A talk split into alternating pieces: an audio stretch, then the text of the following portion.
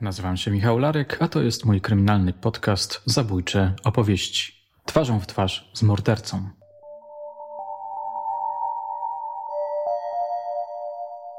Czy ja sobie myślę, że jestem mordercą? Tak, no bo jak, jak mam, no co mam, sam siebie oszukiwać? No to już byłoby chyba idiotyzmem, jakbym sam siebie czarował. Więc tak, jestem mordercą. Zabiłem człowieka. Czy zamierzam zabić? Nawet nie myślę o tym, żeby zabić kogoś. Mało tego, w sytuacji, gdy będzie jakiś cień, że mogę kogoś zabić, już mam to zakodowane, że wycofać się.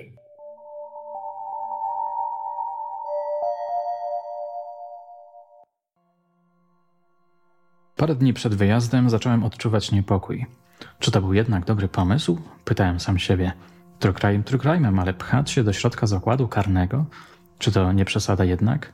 Tym bardziej, że miałem umówione, zupełnie niespodziewanie, rozmowy z mordercami. Mówię niespodziewanie, bo ja wcale ich nie planowałem, nie dążyłem do nich. Ja tylko chciałem porozmawiać z psychologiem więziennym, panią major Katarzyną Bolek, no i wejść na teren placówki, żeby się trochę porozglądać. Jej pytanie zaskoczyło mnie. Czy chciałbyś porozmawiać ze skazańcami z artykułu 148? Pewnie, że chciałbym, odparłem, myśląc jednak, że nikt z nich się na to nie zgodzi. Ale się zgodzili. Aż pięciu. Słysząc to, przełknąłem ślinę. Ale cóż, trzeba było stawić czoła wyzwaniu. 6 marca 2022 roku w niedzielę wsiadłem do umytego samochodu i o jakiejś dziesiątej ruszyłem w stronę Bieszczad. W głowie miałem migawki z Mindhuntera. Moja rozpasana wyobraźnia obsadziła mnie w roli Holdena Forda, który objeżdżał Stany, przeprowadzając fascynujące rozmowy z seryjnymi mordercami. No cóż, każdy z nas ma swoje fantazje, ma swoje wewnętrzne dziecko. Tak czy owak ruszyłem w drogę. Dwa słowa o celu podróży. Miałem odwiedzić dwa bieszczackie zakłady karne typu półotwartego w Łupkowie oraz w Moszczańcu. Wziąć udział w spotkaniu autorskim dla skazanych, obejrzeć sobie, jak wyglądają tego rodzaju placówki, no i przeprowadzić rozmowy z zabójcami. Moją przewodniczką po tym innym świecie miała być wspomniana major Bolek, która pracuje w tych zakładach jako kierownik Wydziału Penitencjarnego i rzecznik prasowy. Poznałem ją dzięki Maćkowi Gałowiczowi, psychoterapeucie, który napisał do mnie ciekawego maila po wysłuchaniu podcastu o sprawie Połanieckiej. Od słowa do słowa, najpierw w mailach, potem przez Zooma, zakolegowaliśmy się, no i znalazłem się w samochodzie mknącym na wschód Polski. Mój pobyt tam miałem zacząć od rozmowy do podcastu z panią Major. Od paru tygodni jest już w sieci. Kto jeszcze nie słuchał, może nadrobić zaległości.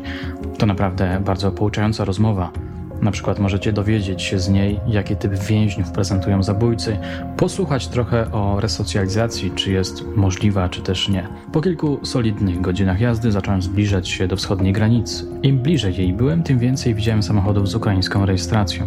Człowiek miał wtedy jeszcze cień nadziei, że wojna szybko się zakończy. Teraz niestety już wiemy, że Putin i jego banda są bezwzględnymi, całkowicie zdemoralizowanymi zbrodniarzami wojennymi. Być może kiedyś zrobię o tym osobny odcinek. W końcu zajechałem do sympatycznego hotelu położonego w Rymanowie. Kto mnie śledzi na Instagramie, mógł zobaczyć lapidarną relację. Krótki odpoczynek, potem wypad do Krosna, gdzie spotkałem się z Maćkiem Gołowiczem, żeby pogawędzić o różnych mniej lub bardziej kryminalnych sprawach. Konsultowałem z nim m.in. sprawę, której nadałem kryptonim Diabeł z Wałcza. Za jakiś czas będziecie mogli zapoznać się z tym materiałem. Późnym wieczorem spotkałem się z panią Major, która udzieliła mi wywiadu. W ramach przypomnienia puszczę wam teraz jeden z ciekawszych fragmentów. Posłuchajcie. Najlepiej funkcjonującymi skazanymi w zakładach karnych są skazani z artykułu 148. Dlaczego? Na pewno wynika to mm, z tego, że że kupę czasu siedzą, e, że są jakoś tam dostosowani i mówimy o tym dostosowaniu, że, że umieją się odnaleźć w tych warunkach e, zakładu. Ale ja też na tyle, ile jakby przeszło przez, przez moją, mój warsztat pracy tutaj jako psychologa tych skazanych za 148, to oni są jakoś dla mnie charakterystyczni, mają podobne cechy. To są skazani, którzy, którzy są mili, którzy robią dobre wrażenie, którzy są e, mega poukładani, którzy wyglądają, e, mówię tutaj pod względem mm, ubrania, dbałości o siebie bardzo dobrze, czy najlepiej w gronie innych e, współosadzonych. To są skazani, którzy wykonują polecenia, ugrzecznieni bardzo często. Słowo ugrzecznieni to jest chyba to, co, co ich na pewno charakteryzuje. A propos tego specyficznego i może trochę zaskakującego zachowania zabójców w zakładach. Kiedyś dostałem maila od słuchacza, który poznał w szpitalu pewnego klawisza z zakładu karnego we Wronkach. Ów klawisz miał regularnie rozmawiać z Tadeuszem Kwaśniakiem, czyli seryjnym zabójcą i pedofilem. O czym gadali, pisał ów słuchacz, klawisz nie mówił, wiem tylko, że był on bardzo grzeczny i ułożony. Grzeczny i ułożony. Ciekawe, prawda? I jeszcze słówko komentarza co do nagrania rozmowy z panią Major. W hotelu były dzieci, dość niesforne, i ich wrzaski możecie usłyszeć w tle. Niektórzy słuchacze mi to wypominali. Wypominanie też pociąganie nosem. Oczywiście za wszelkie niedogodności dźwiękowe przepraszam, ale jednocześnie chcę zauważyć, że ja nie robię plastikowych podcastów kryminalnych, które są tworzone w całości w sztucznych warunkach studyjnych i przez to przypominają trochę landrynkę chrupaną na noc na lepsze sny. Ja mam do zaoferowania coś innego. Brudne, niedoskonałe, tworzone w różnych warunkach opowieści. Opowieści, które przywożę wam ze świata zewnętrznego. Jeśli ktoś tego nie akceptuje, powinien wybrać sobie inny podcast, a z tym nie powinno być problemu. Co chwilę powstają nowe kanały trukrajmowe. Są już ich dziesiątki, a może nawet setki. Po wywiadzie obejrzałem odcinek CSI. W końcu poszedłem spać. W nocy obudził mnie jakiś koszmar, chyba z mordercą w roli głównej. Usiadłem na łóżku, zlany potem. Chyba jednak przesadziłem, pomyślałem wtedy, i moja wyobraźnia znowu podsunęła mi migawkę z Mindhuntera. Siedziałem naprzeciwko Eda Campera, który nagle wstał, zazgrzytał łańcuchem i wbił we mnie swoje ponure oczy.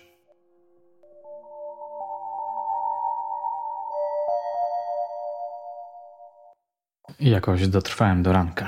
O siódmej zadzwoniła major Bolek. Czekam na parkingu, jesteś gotowy? Zapytała. Przełknąłem ślinę.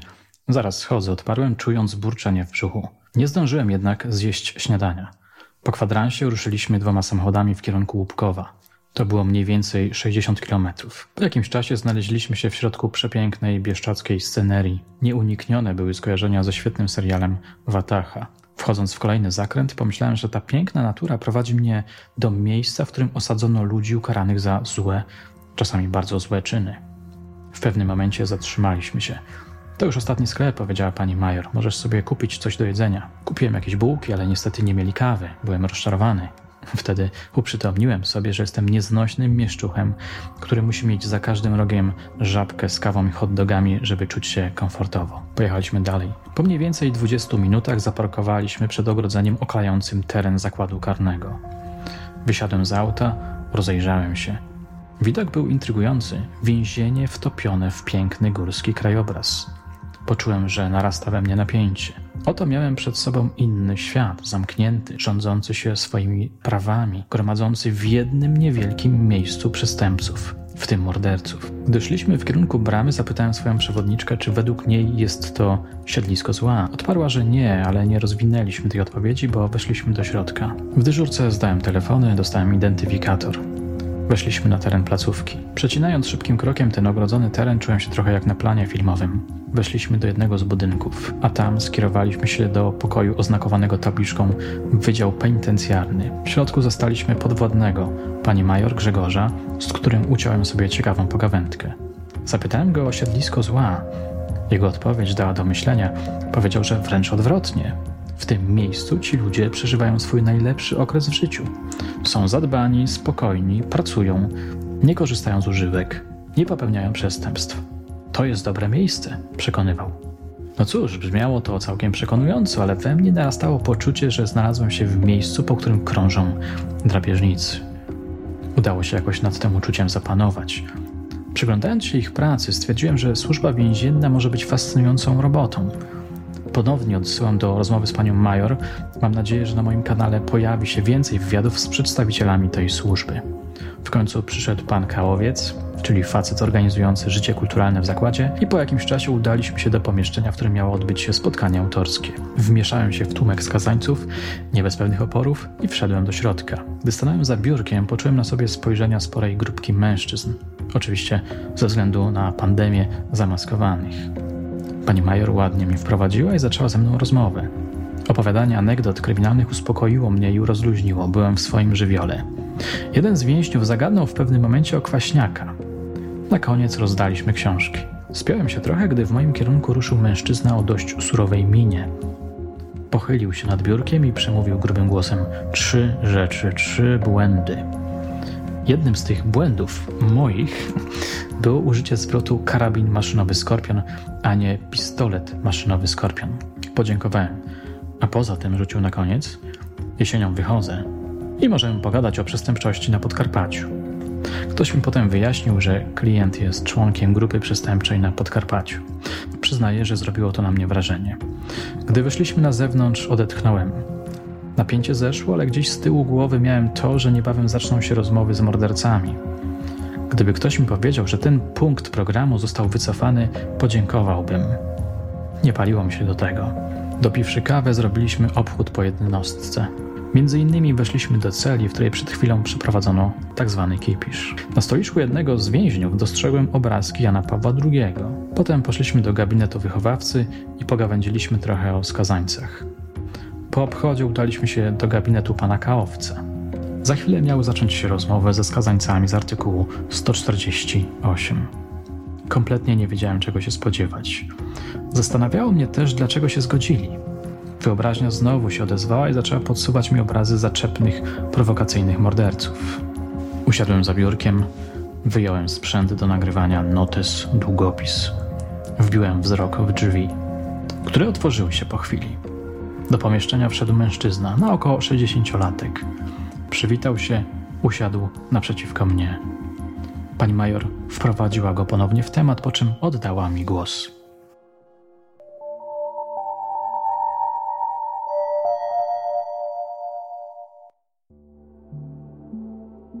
Czego chciałem się dowiedzieć od skazańców? Oczywiście różnych rzeczy.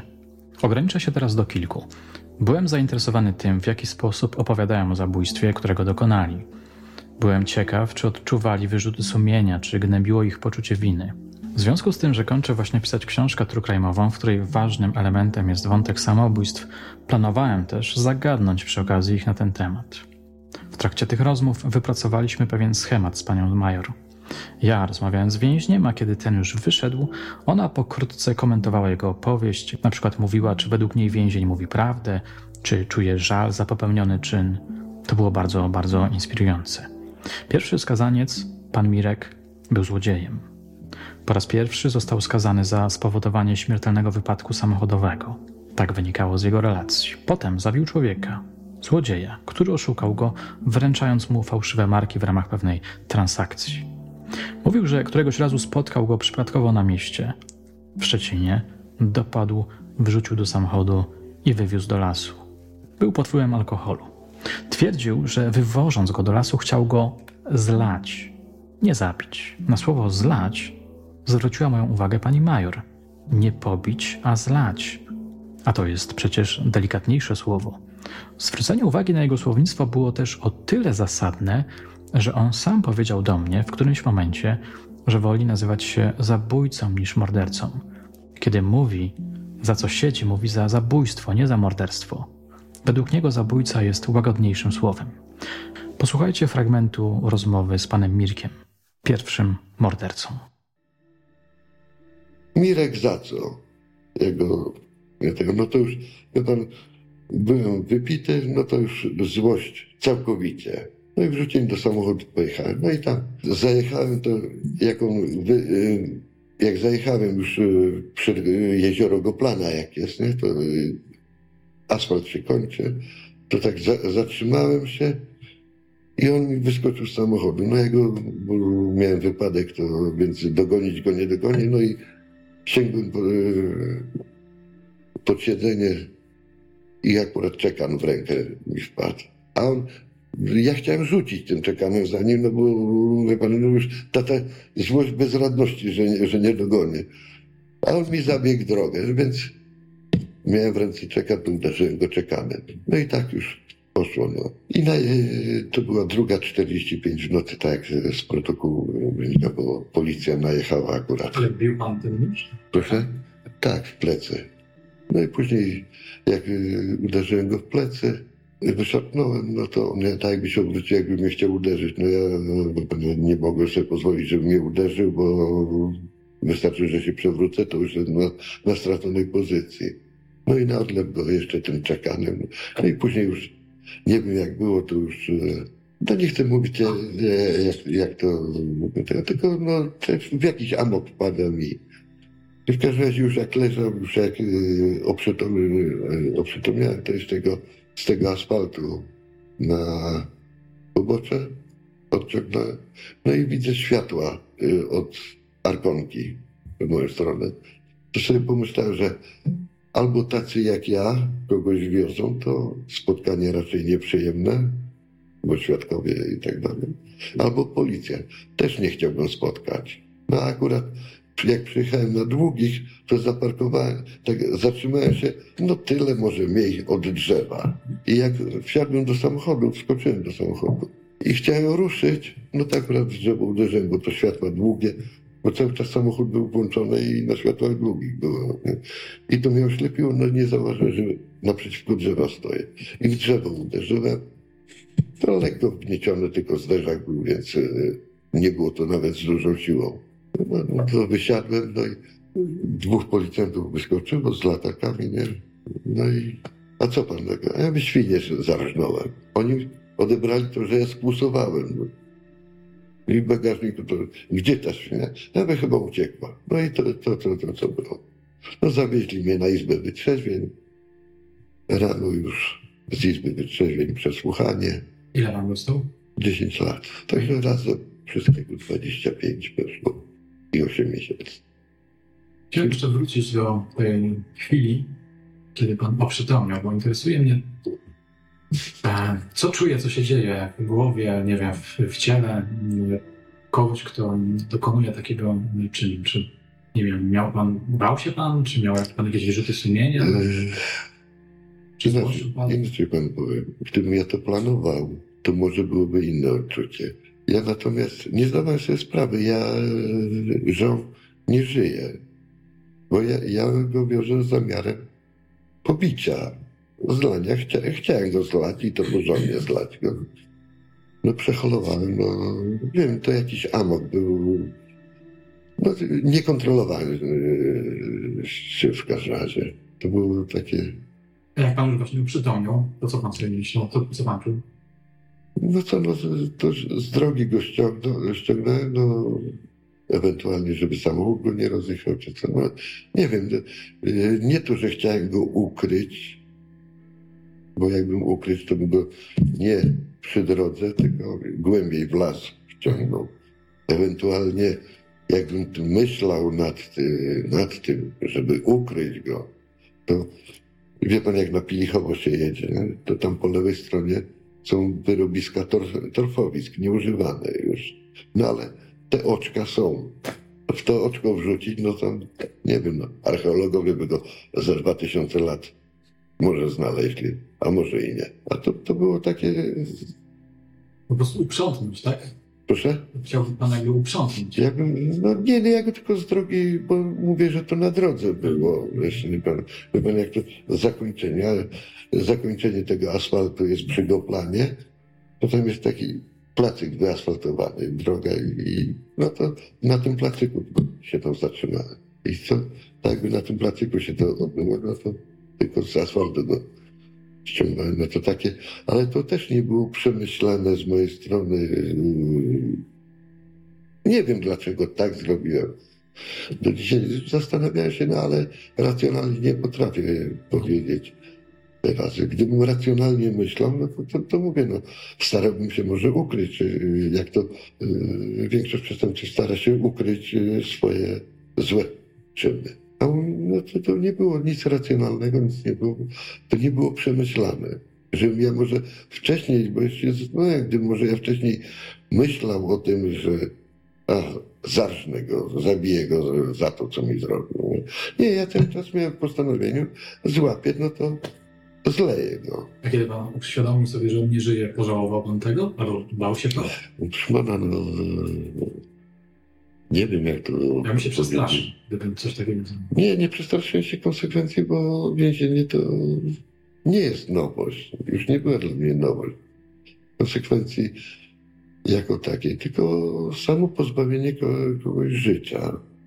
To jest, ciężko się z tym, z tym żyje, pan, powiem pan. Można się śmiać, ale gdzieś tam w chwilach, jak jest się samemu, wraca to. To nie wraca jako, mm, że złamałem sobie życie. Samo pozbawienie życia kogoś.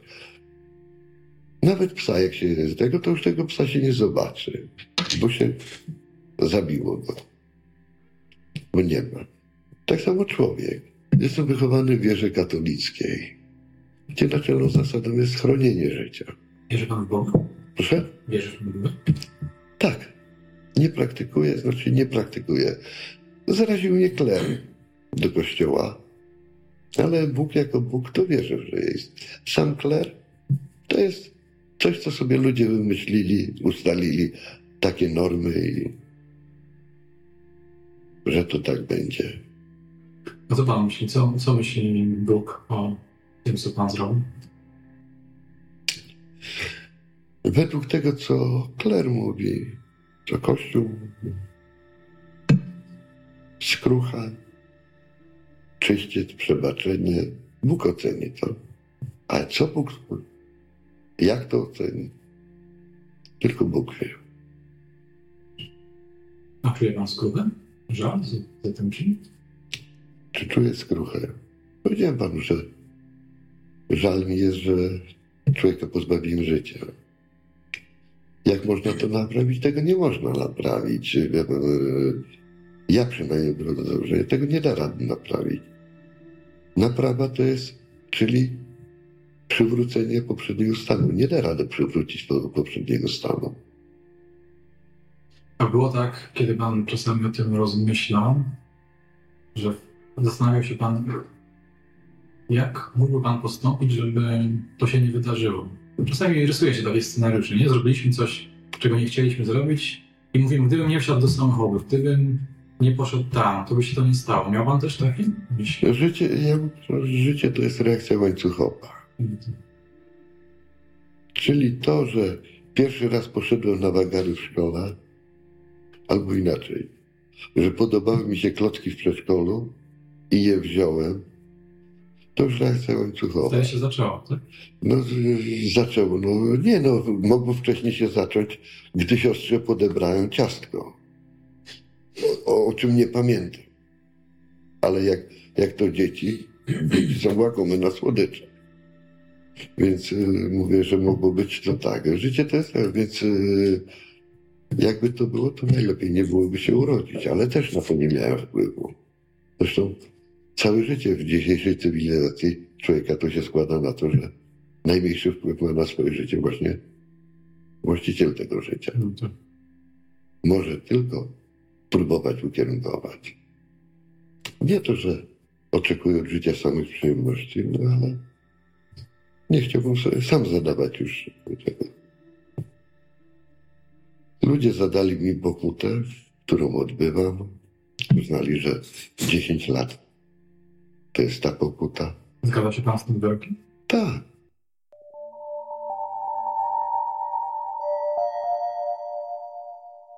Co sądzicie o tej opowieści, o jej autorze? Czy wyczuwacie tu skruchę, wyrzuty sumienia? Pani major, komentując jego opowieść, powiedziała, że mówił według niej szczerze, autentycznie i dokładnie. Dodała jednak, że miała wrażenie, iż się trochę przechwala, że chce się zaprezentować jako twardy facet. Co ciekawe, kiedy na moją prośbę pan Mirek zaczął nieco dokładniej opowiadać o przebiegu zbrodni, a jak słyszeliście, nie kwapił się do tego, jego twarz zaczęła drżeć. Było to widoczne. Pamiętam, że zrobiło to na mnie wrażenie. Mówił też lekko drżącym głosem, ale tego nie czuje się w trakcie odsłuchu. Co oznaczała ta reakcja? Wyrzuty sumienia? A może po prostu dyskomfort z powodu przypominania sobie dramatycznej sceny, która radykalnie i nieodwołalnie zmieniła jego życie na życie w zamknięciu, w klatce. Kiedy potem będę słuchał kolejnych opowieści skazańców z artykułu 148, zauważę w nich punkty wspólne. Zabójstwo często było popełnione po alkoholu, przypadkowo. Sprawca wcześniej był karany, na przykład za kradzieże czy rozboje. Miał problemy z alkoholem. Często zaplecze rodzinne było mniej lub bardziej patologiczne. No i jeszcze jedna rzecz. Opis przebiegu zbrodni był bardzo, bardzo lakoniczny. Zabójcy nie chcieli wdawać się w szczegóły. W jednym przypadku ten opis został bardzo mocno złagodzony. Ale o tym opowiem Wam w kolejnym odcinku, w którym dokończę relację z wyjazdu do bieszczadzkich zakładów karnych. Na dzisiaj to wszystko. Dziękuję Wam za uwagę i jednocześnie zachęcam do komentowania pod materiałem, a także w mailach. Jestem bardzo ciekawy Waszych refleksji. Do usłyszenia już niebawem.